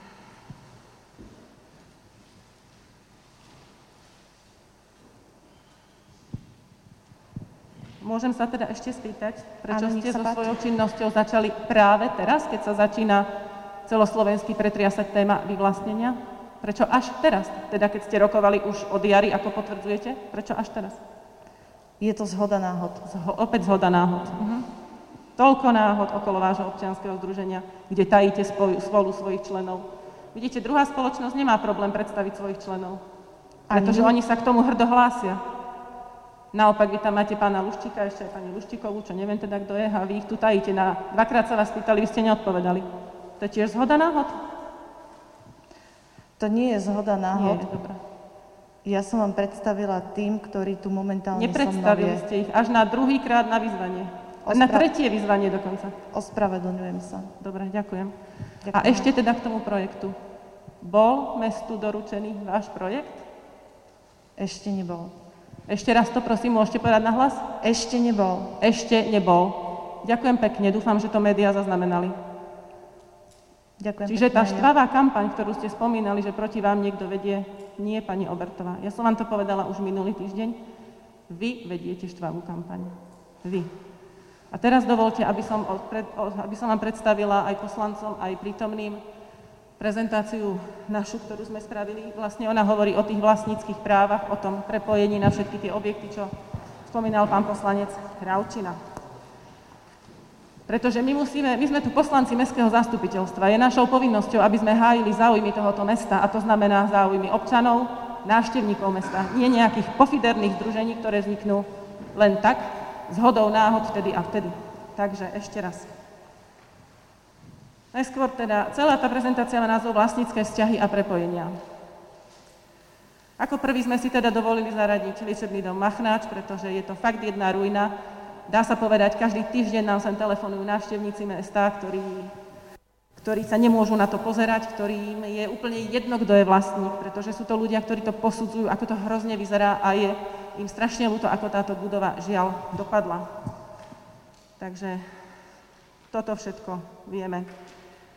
Do roku, ja sa ešte vrátim, pardon, prepačte, dnes je to práve dva roky, čo, sme, čo som ja a toto mestské zastupiteľstvo nastúpili do týchto funkcií. V tom čase bola skutočnosť taká, že vlastník, ktorý je Keorland Trade, nemal zaplatené dane z nehnuteľnosti ešte vôbec od svojej kúpy a predošlý vlastník ešte nemal zaplatené za rok 2016. Čiže títo ľudia si neplnili základné povinnosti voči mestu, ako je platenie daní. Pre mňa to bolo prekvapenie a začala som teda samozrejme vyzývať týchto vlastníkov, ale vracali sa listy, pretože sídlo spoločnosti je, myslím, v Brne. Takže títo seriózni vlastníci, ešte raz opakujem, de jure, nepreberali ani poštu. Nie, že si neplnili povinnosti, ani komunikovať sa s nimi nedalo. Preto som ja bola veľmi prekvapená minulý týždeň a preto som aj poďakovala pánovi Balážovi, vlastníkovi de jure, že nás navštívil, že nás poctil svojou návštevou. Takže do roku 2016 vlastnilo spoločnosť Bianca Plus SRO, kde je konateľ pán Norbert Tanocký. Súčasný vlastník od roku 2017 je Keorland Trade, ako som už povedala, kde konateľom je pán Milan Baláš. Súčasťou tejto spoločnosti bol aj pán Spišiak, ktorý, ako ste sami vy uviedli, alebo pán majiteľ uviedol, myslím, médiám, nevydržal tlak, ktorý je na ňo vyvíjaný a zo spoločnosti odišiel. Takže celý čas sa schovávali, nepreberali poštu, neplatili dane, nerobili nič. A zrazu, keď začala byť spoločnosť Jaromíra Krejcara, ktorá je novovzniknutá spoločnosť, ale tí ľudia sa o tú záchranu toho objektu snažia roky, rokúce. Ja som s nimi ešte po nástupe do funkcie okamžite začala komunikovať, teda oni so mnou ma navštívili, ja som o nich nevedela. Takže toto sú ľudia, ktorí sa tu roky o niečo snažia. A vy ste teraz prišli, sami tvrdíte z hodou náhod v ten istý dátum a chcete tu niekoho presviečať a čudujete sa, že vám niekto neverí. No neverí. Kto by vám aj mal veriť? Však sa prosím vás zamyslite nad sebou. Takže vznik Machnáča s hodou okolností 24.9. Robertová spoluzakladatelia Miroslav Luščík a Sabrina Luščíková. Tieto mená ste nám prezradili, ešte raz opakujem verejnosti, až na tretiu výzvu. Tu máme evidenciu občianskych združení, kde je vlastne výpis z registra občianskych združení, ktoré potvrdzuje to, čo tvrdím. Všetky údaje, ktoré sú uvedené na tejto prezentáciu, sú, podotýkam, z verejne dostupných zdrojov. Nie je tam nič vykonštruované. Takže odkedy ste, je vaše občianske združenie Machnáš nájomcom budovy liečebného domu, ste nám odpovedali, teda od 25.9. v tomto roku. Áno? Ešte raz? Takže podotýkam ešte raz, je záhada, že dlhodobé nájmy 40-ročné všetkých spoločností sú zaevidované na katastri, vaše zhodou okolností nie. Tu je prosím prepojenie na osoby, ktorým sa mimoriadne darilo za posledné, presled, za posledné tri volebné obdobia v našom meste. Hovorím o Norbertovi Tanockom, Márii Krajmerovej, Miroslavovi Luščíkovi, ktorý je s pani Krajmerovou spoločníkom. To netvrdím ja, toto tvrdí Aktuality SK. Toto bolo zverejnené v televízii, vo viacerých médiách. Takže to prepojenie, prosím, Mário Spišák, Milan Baláš, kúpeľný dom Machnáč, Keorlen Trade, kúpele Teplice a tak ďalej. Všetko bude odovzdané všetkým, ktorí to majú dostať. Poďme teraz na dlhy voči mestu. Škoda, že tu teraz nie je pán Baláš. Teraz by som bola veľmi rada, keby tu bol. Nedoplatok na daní 2300 v roku 18, 19, 4,5 tisíca, Momentálne, ako sme sa aj minulý týždeň o tom bavili, a to teda potvrdzujem, že už k dnešnému dňu majú všetky dane z nehnuteľnosti zaplatené. Dokonca majú zaplatené aj e, úrok zomeškania, teda sankčný úrok. Ja som presvedčená, že je to len preto, že vlastne malo dôjsť k ďalšiemu prevodu tejto nehnuteľnosti. To ma nikto nepresvedčí. To už taká zhoda náhod by nemohla byť. Prejdeme k ďalšej budove. Ďalšia šarapata nášho mesta. Ďalšie dedictvo od bývalého vedenia tohoto mesta. A to je bývalá nemocnica. Sľubované nájomné byty, ktoré mali byť skolaudované, myslím, do marca 2019, ak sa nemýlim. My sme nastupovali v decembri 18. Oni mali byť do marca 19. Je nad slnko jasnejšie každému súdnemu človeku, že toto je nereálne a že to nemohlo byť. Dnes mám, nám končí rok 2020. Samozrejme, že si predložili, podali žiadosť o predlženie kolaudácie. Momentálne je platná do konca tohoto roka, do konca roka 2020, ale myslím 8.12. už doručili žiadosť na opakované predlženie o rok. Čiže my sme, mesto je bezmocné proti týmto ľuďom, stavebný úrad je rovnako bezmocný, proste legislatíva nám nepovoluje nič, len čakať a pozerať sa na tú oštaru a tváriť sa, akí sú vlastníci strašne seriózni. Takže nemocnica, prezentované nové byty, nové apartmánové bývanie, aktuálni vlastníci. Poďme na to. Od začiatku je to spoločnosť Mano Invest. Predseda predstavenstva Ľubomír Babic, predsedničkou predstavenstva bola do 8. mesiaca 18 pani Mária Krajmerová, v dozornej rade je pán Miroslav Luščík, zakladateľ občianskeho združenia Machnáč. Že by zhoda náhod alebo nejaké iné vysvetlenie? Myslím si, že nie. Momentálny dlh voči mestu od tejto skvelej spoločnosti. 38 534 aj 38. Plus záber verejného priestranstva. Takisto, vy si pamätáte, vážení poslanci a vážená verejnosť, ako pred niektorými komunálnymi voľbami, myslím, že v roku 2010, bolo postavené lešenie okolo tejto budovy? Keď sa začali básničky a rozprávky o tom, že tam budú byty, myslíte si, že niekto vyrúbil týmto vlastníkom záber verejného priestranstva? Celkom určite nie. Ja už som prehľadala všetko, čo som mohla prehľadať. Ja to dnes vyrubujem, samozrejme, pretože ten chodník nemôže verejnosť užívať. Myslíte si, že je ten, kto by to zaplatil? No určite nie. Takže opäť zhoda náhod. Prejdeme k ďalšiemu objektu. Ďalšia pamiatka naša stará elektráreň v parku, nedaleko liečebného domu Machnáč. Opäť pohľad na zaplakanie. Tí, ktorí ste tepličári telom aj dušou, tak naozaj viete, že toto je proste, toto je chrapunstvo najhrubšieho zrna. Prepačte, že sa na tejto stoličke takto vyjadrujem, ale to sa inak pomenovať nedá. A to by som vám ešte dopriala, aby ste počuli návštevníkov mesta a obyvateľov, ako sa oni vyjadrujú o majiteľoch a o týchto budovách. Veď sa na to pre Boha pozrite. Mnohí si pamätáme, keď tam bola kaviareň, keď tam bola obradná sieň. To ani nehovorím, keď to slúžilo na ten účel, na ktorý to teda pôvodne bolo postavené. Naši predkovia to dokázali v ťažkých podmienkach vybudovať a my to nedokážeme ani takto udržať. Takže kto stojí za tým? Mali sme tam konanie s pamiatkármi v tomto roku, pretože je tam aj ohrozovanie, je tam verejné nebezpečenstvo tým, že to nie je prekryté. Aktuálni vlastníci. V rokoch 14 až 19 rezident Real SRO. Opäť sa nám tu objavujú mená ako Mária Krajmerová, v súčasnosti je spoločno, vlastníkom spoločnosť Bata AS, kde predsedom predstavenstva je pán Meduna a pred, v predstavenstve tejto spoločnosti bola aj pani Mária Krajmerová, že by opäť z hody náhod. To vážne ešte niekto chce veriť a tvrdiť, že z hody náhod? Takže dlhy o voči mestu, samozrejme zase od roku 17 neplatené dane z nehnuteľnosti, ani minulý vlastník, ani súčasný vlastník necíti povinnosť, že by vôbec takéto, dá sa povedať, malé peniaze z ich pohľadu, pretože tu budú hovoriť o veľkých investíciách, ale nevedia zaplatiť ani dane. No a ďalšia, ďalší problém veľký tohoto mesta, zlodejstvo najhrubšieho zrna, čo spáchal bývalý primátor aj so svojimi poslancami, respektíve možno poslancov zaviedol, pretože keď som sa viacerými dnes rozprávala, nie dnes, ale v tomto období, pretože prebieha súdny spor so spoločnosťou, ktorá to má v najmä dlhodobom opäť zhodou okolností na 40 rokov, tak tvrdia, že boli zavedení, o čom aj vieme aj my, pretože uznesenie Mestského zastupiteľstva, kde boli stanovené podmienky, za akých podmienok má vedenie mesta uzatvoriť nájomnú zmluvu, tak tie boli iné, ako v skutočnosti nájomná zmluva vyzerá. Takže po pekných obrázkoch prejdeme prosím na aktuálneho nájomcu. Od roku 2009 až do roku 2012 a ešte ďalších 28 rokov, takto si to asi predstavovalo bývalé vedenie mesta. Kto iný ako Mano Invest? Kto iný ako ten, komu tiež predali nemocnicu? Ten, komu, komu predali e, parcelu oproti, kde malo byť parkovisko. Všetci vidíme, že tam nie je parkovisko.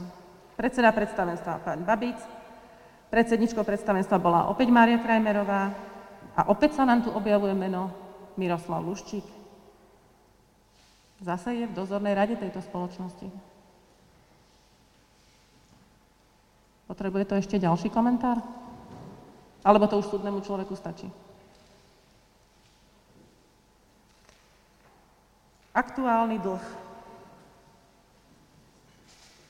voči mestu. Neuhradené nájomné,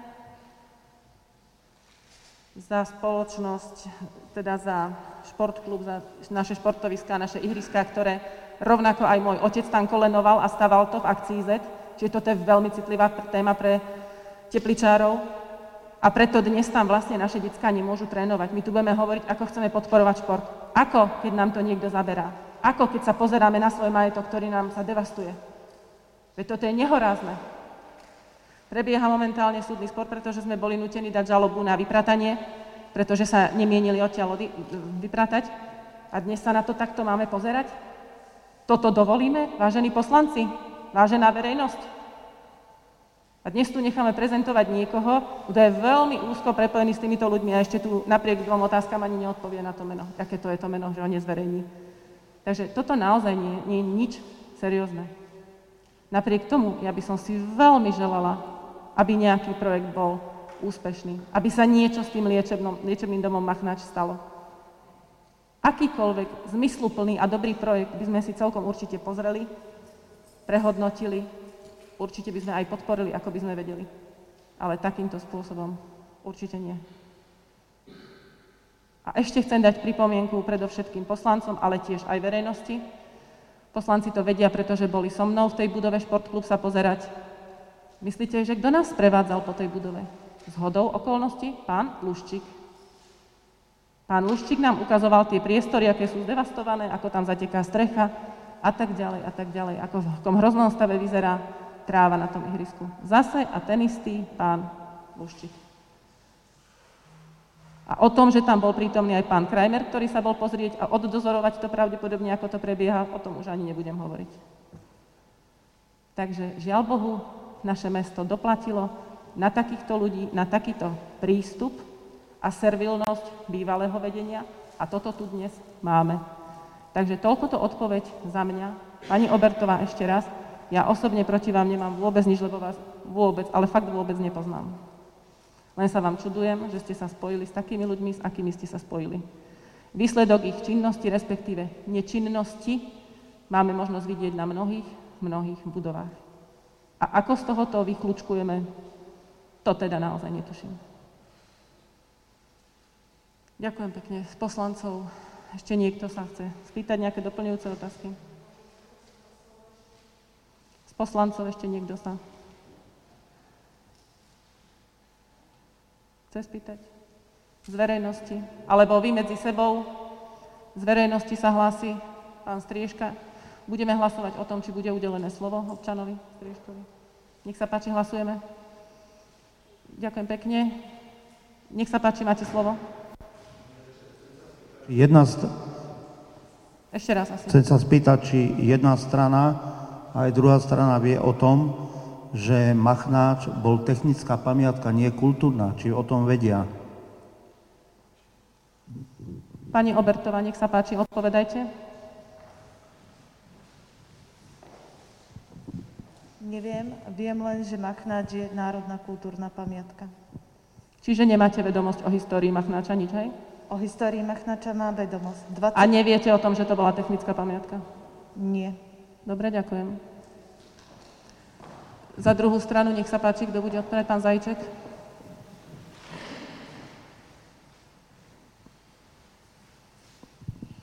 No, uh, Machnač teda mal veľa technických výmožeností, za čo bol považovaný ako technická pamiatka teda od roku 1969, uh, ale už vtedy to vlastne ten, tá definícia kultúrnej pamiatky, technickej pamiatky sa tak troška uh, vnímala jedno ako to isté.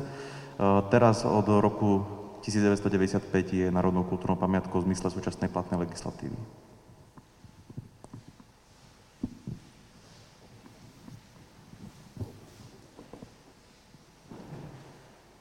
Ďakujem pekne. Kto sa hlási ešte o slovo? Dobre, ja by som sa ešte chcela spýtať, predstavili ste, že je tu s vami pán projektant, myslím, ak sa nemýlim, prepačte, meno som nepočula. Chce, ale nie je podstatné. Chcem sa spýtať, či reálne pracujete na vypracovávaní nejakého projektu. Počkajte, pardon, chvíľočku. Dobrý večer.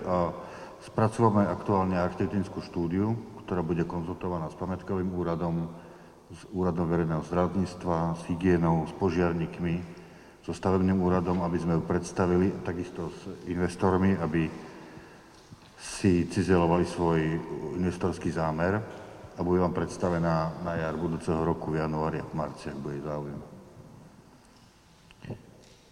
Ďakujem pekne. A môžete nám ešte povedať vaše meno a kanceláriu, vašu projektovú? Moje meno je Martin Vanko a som za spoločnosť FVA. Ďakujem pekne. Spomínali ste, že spolupracujete aktívne, to sa ešte, to odznelo pred médiami ešte v minulom týždni, že aktívne komunikujete s Krajským pamiatkovým úradom. Ešte by som vás poprosila, akým spôsobom prebieha tá vaša komunikácia, pani Obertová, a kedy ste naposledy hovorili? Alebo či to robí váš projektant, neviem. Prosím, pekne zodpovedzte mi ešte na toto. Pani Obertová, či, pardon, nech sa páči, môžete aj vy teda. Nie, ako som vravel, my teraz spracovávame dispozičné zmeny alebo dispozičné riešenia na základe požiadaviek investora a keď ich budeme mať nejaké variantné spracovanie, budeme to komunikovať s pamiatkovým úradom.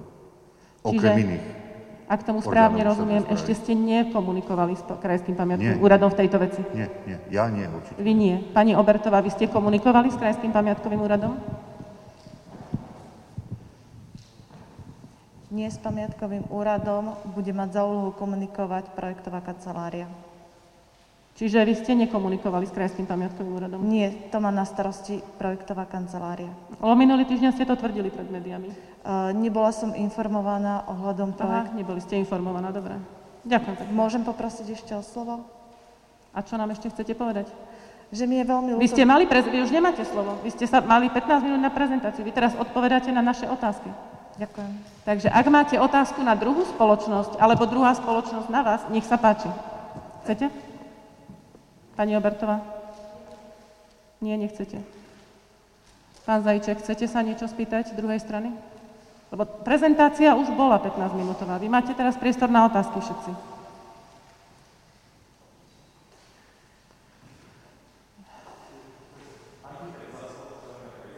Áno, nech sa páči. A poprosím meno predstaviť sa tiež. Dobrý deň, Martin Varga a som teda architektom spoločnosti Jaromíra Krejcera. a z okolností sa stretávam so svojím starým známym z spoločnosti FVA. Myslím, že je to pre oboch taká zvláštna situácia. Musím teda podotknúť, že spoločnosť má šťastie na architekta, lebo jeho spoločnosť je naozaj dobrá. Ale vzhľadom na závažnosť tejto témy a kvalitu architektúry sa dovolím spýtať architektov SVA, nakoľko poznajú stavebno-historický vývoj tejto stavby a aké podklady vlastne majú k dispozícii, aby dokázal vypracovať štúdiu, ktorá by zodpovedala kvalitám tejto stavby. Ďakujem.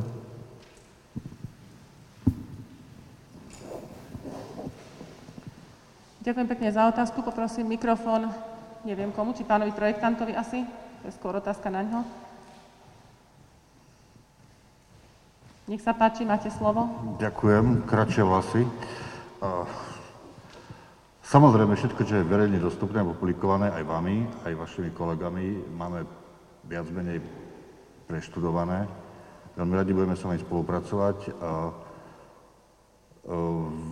veľa vecí ste vykonali, čo by sme radi použili. Myslím, že tam bude treba veľmi veľkú mieru nejakej kooperácie a nejakých, nejakých kompromisov zo strany všetkých zúčastnených orgánov štátnej správy, aby toto mohlo fungovať. Ja si nedovolím tvrdiť, či je lepšia vízia ubytovania pre umelcov alebo domu dôchodcov, alebo sanatória, to asi musí byť nejaký biznis plán na to. Ale ja si myslím, že my sme, ako kolega povedal, na rovnakej vlne alebo rovnakej uh, intelektuálnej znateľnosti tej budovy. Hej. Oni sú, oni to poznajú viac, ale myslím si, že uh, roz, rozmýšľame rovnako. Hej. Akorát sme na iných stranách teraz. Takže.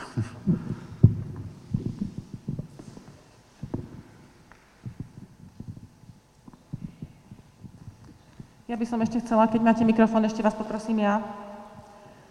Aká je vami plánovaná investícia na obnovu? Nerozumel som ešte raz. Aká je vami plánovaná investícia na obnovu? Nami plánovaná investícia nie je žiadna, pretože je to vecou investora, koľko chce preinvestovať prostriedkov. Tých 9 miliónov, čo bolo spomenuté, je reálne, ale závisí to od mnohých faktorov. Nie len zameru investora, ale vyjadrení orgánov štátnych, to znamená hygieny, požiarníkov, prípadne ostatných vecí, pretože tá budova potrebuje možno nemalé investície do existujúcich vyplní otvorov do existujúcej štruktúry, aby bola e, prevádzky schopná, aby sa splnila aj požiadavka, dajme tomu pamiatkového úradu, alebo e, požiadavka architektonická, alebo estetická. Nedá sa to povedať aktuálne, že koľko by to stálo, pretože a nemôžeme to povedať na metr štvorcový štandardnej budove, lebo toto je národná kultúra pamiatka a je veľmi uh, momentálne tu všade sa nerozpráva, takže bude to náročné. Dobre, ale ja, ja vám rozumiem. Áno, ďakujem. Rozumiem vám. A preto ale nerozumiem teda pani Obertovej, prečo nás požiadala, mňa a poslancov, že chce prezentovať váš projekt. Pretože ak počúvam, tak vy teda ten projekt ešte nemáte spravený. Vy odkedy, pani prosím, Obertová... spolupracujete s touto spoločnosťou? Pani Obertová... Kedy, odkedy? Prepačte, ale pani Obertová prezentovala projekt občianského združenia. Nám napísala, že nám chce predstaviť váš projekt. Projekt prezentovaný architektonickou kanceláriou. To nám napísala v liste, ja ho tu mám so sebou. OK. My momentálne projekt neexistuje, pripravujeme štúdiu, ktorá bude realizovať. Takže opäť nás pani Obertová nejakým spôsobom asi zaviedla. Dobre, nevadí. Prosím, ešte odkedy vy spolupracujete s touto občianským združením? Kedy vás požiadali? Od jesene, to znamená oktober, november, september. Od jesene, september, oktober, november. September, oktober, dobre, ďakujem pekne. A viete nám teda povedať aspoň toľko, lebo keď hovoríme o domove sociálnych služieb, ako bude riešená bezbariérovosť objektu a manipulačné požiadavky na transport ležiacich a imobilných? Ja vás trošku zle počujem, sa to ozýva. Môžete ešte raz, prosím vás. Akým spôsobom bude riešená bezbariérovosť objektu a manipulačné požiadavky na transport ležiacich a imobilných klientov? Domov sociálnych služieb podľa platných vyhlášok a noriem E, sa delí na, alebo klienti domov sociálnych služieb sa delia na stupeň odkázanosti. Podľa stupňa odkázanosti sa vyžaduje bezbariérovosť priestorov a dostupnosť. domových sociálnych služieb nemusia byť silomocou pre imobilných, ani sa tam nemusí transportovať ležiaci pacient. Nie je to nemocnica. Mhm. Čiže s tým nepočítate, hej? Prosím? Čiže s tým nepočítate? S čím Vo svojom projekte? S čím? S transportom imobilných a ležiacich. S transportom imobilných určite. V nejakej časti určite. Mhm. Určite nejaká časť bude musieť byť imobilná, možno nie všetko. Ležiaci pacient, e, s takým transportom neuvažujeme, ale to není podmienka pre e, vybudovanie domova dôchodcov, domova sociálnych služieb. Čiže no, stačí, ja, ja vám nepodsúvam, čo máte vybudovať, ja sa len pýtam, či s tým počítate. Hovoríte, nie, v poriadku, mne to stačí ako odpoveď. Ďalšia moja otázka je... My budeme, e, te, no, vypracovaný projekt prejde všetkými možnými schváleniami pri všetkých možných uh, orgánoch štátnej správy.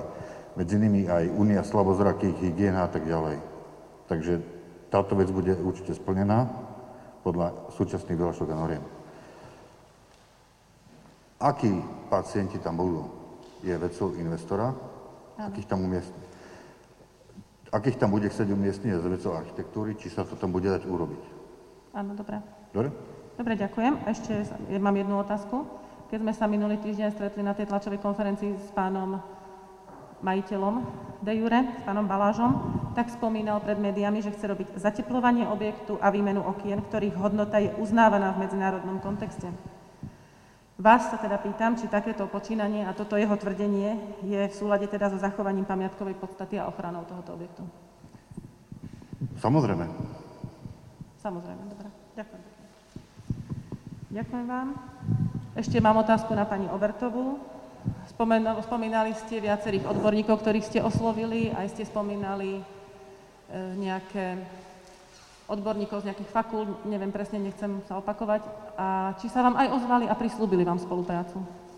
Áno, ozvali sa nám, ozvala sa nám Fakulta architektúry Slovenskej technickej univerzity v Bratislave, ktorej sme mali doložiť e, nájomnú zmluvu, pretože bez toho, či máme nejaký vlastnícky alebo nájomný vzťah s budovou s nami nebude spolupracovať, čiže to majú doložené.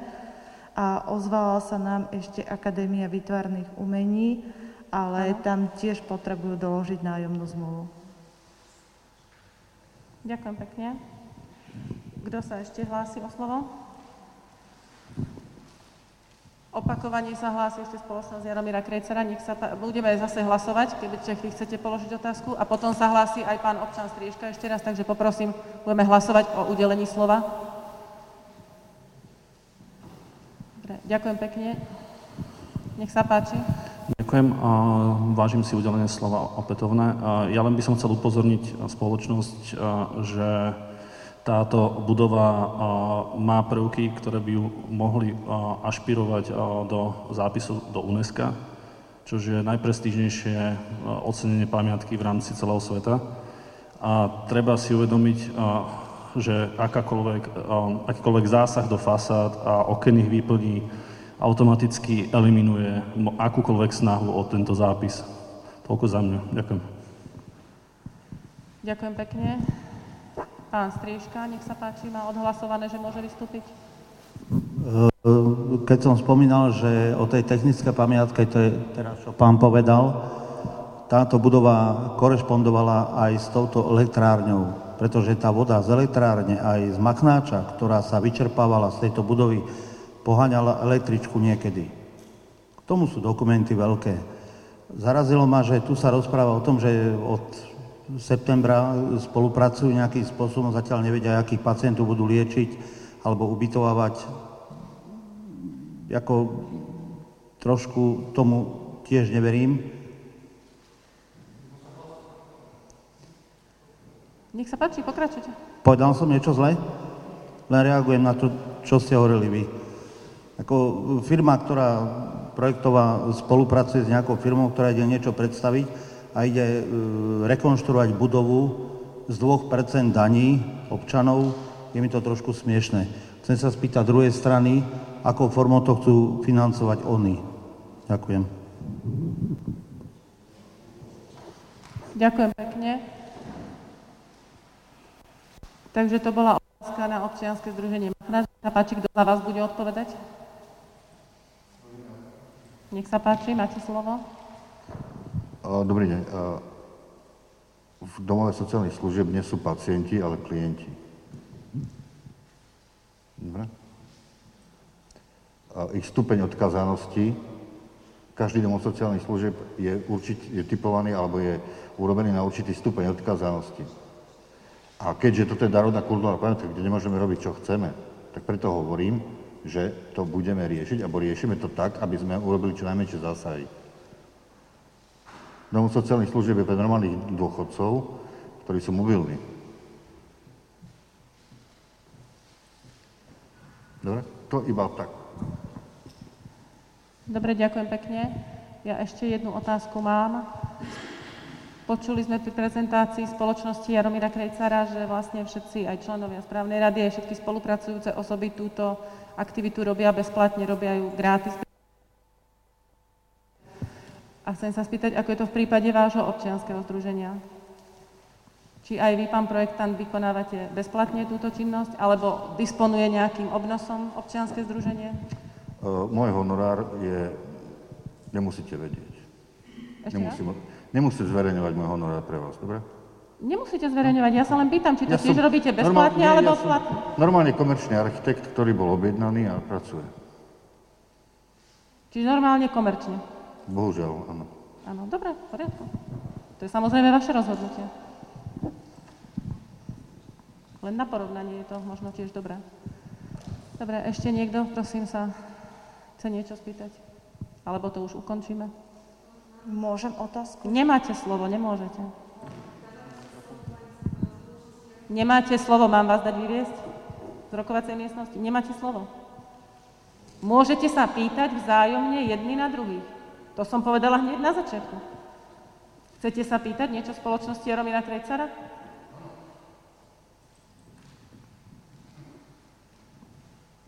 Musíme hlasovať o tom, či vám dovolia, alebo hlasujeme o každom, ak ste si nevšimli, opakovane. Takže pánovi projektantovi udelíme slovo s otázkou na spoločnosť Jaromíra Krejcara. Nech sa páči, máte slovo. A môžete položiť otázku na Jaromíra Krejcara, už nie vašu prezentáciu, dobre? Aby sme si rozumeli. Pokladám otázku na spoločnosť pána. Krejcera. Uh, Čo sa týka vyplne okien, samozrejme máte pravdu, ak by to bolo v UNESCO, je to zákazané vyplne okien, ale uh, projekt pometkovej obnovy tohto objektu to nevylučuje. A sami dobre viete, všetci vieme, že uh, tie vyplne otvorov budú musieť byť repasované, musí to splňať nejaké minimálne teplotechnické vlastnosti a nerad by som zachádzal do takýchto debát, lebo to sú asi debaty odborné. Prosím, otázku Dobre? položte. Povedali ste, že položíte otázku. Ako to budete riešiť vy? Ďakujem pekne. Nech sa páči, poprosím o odpoveď.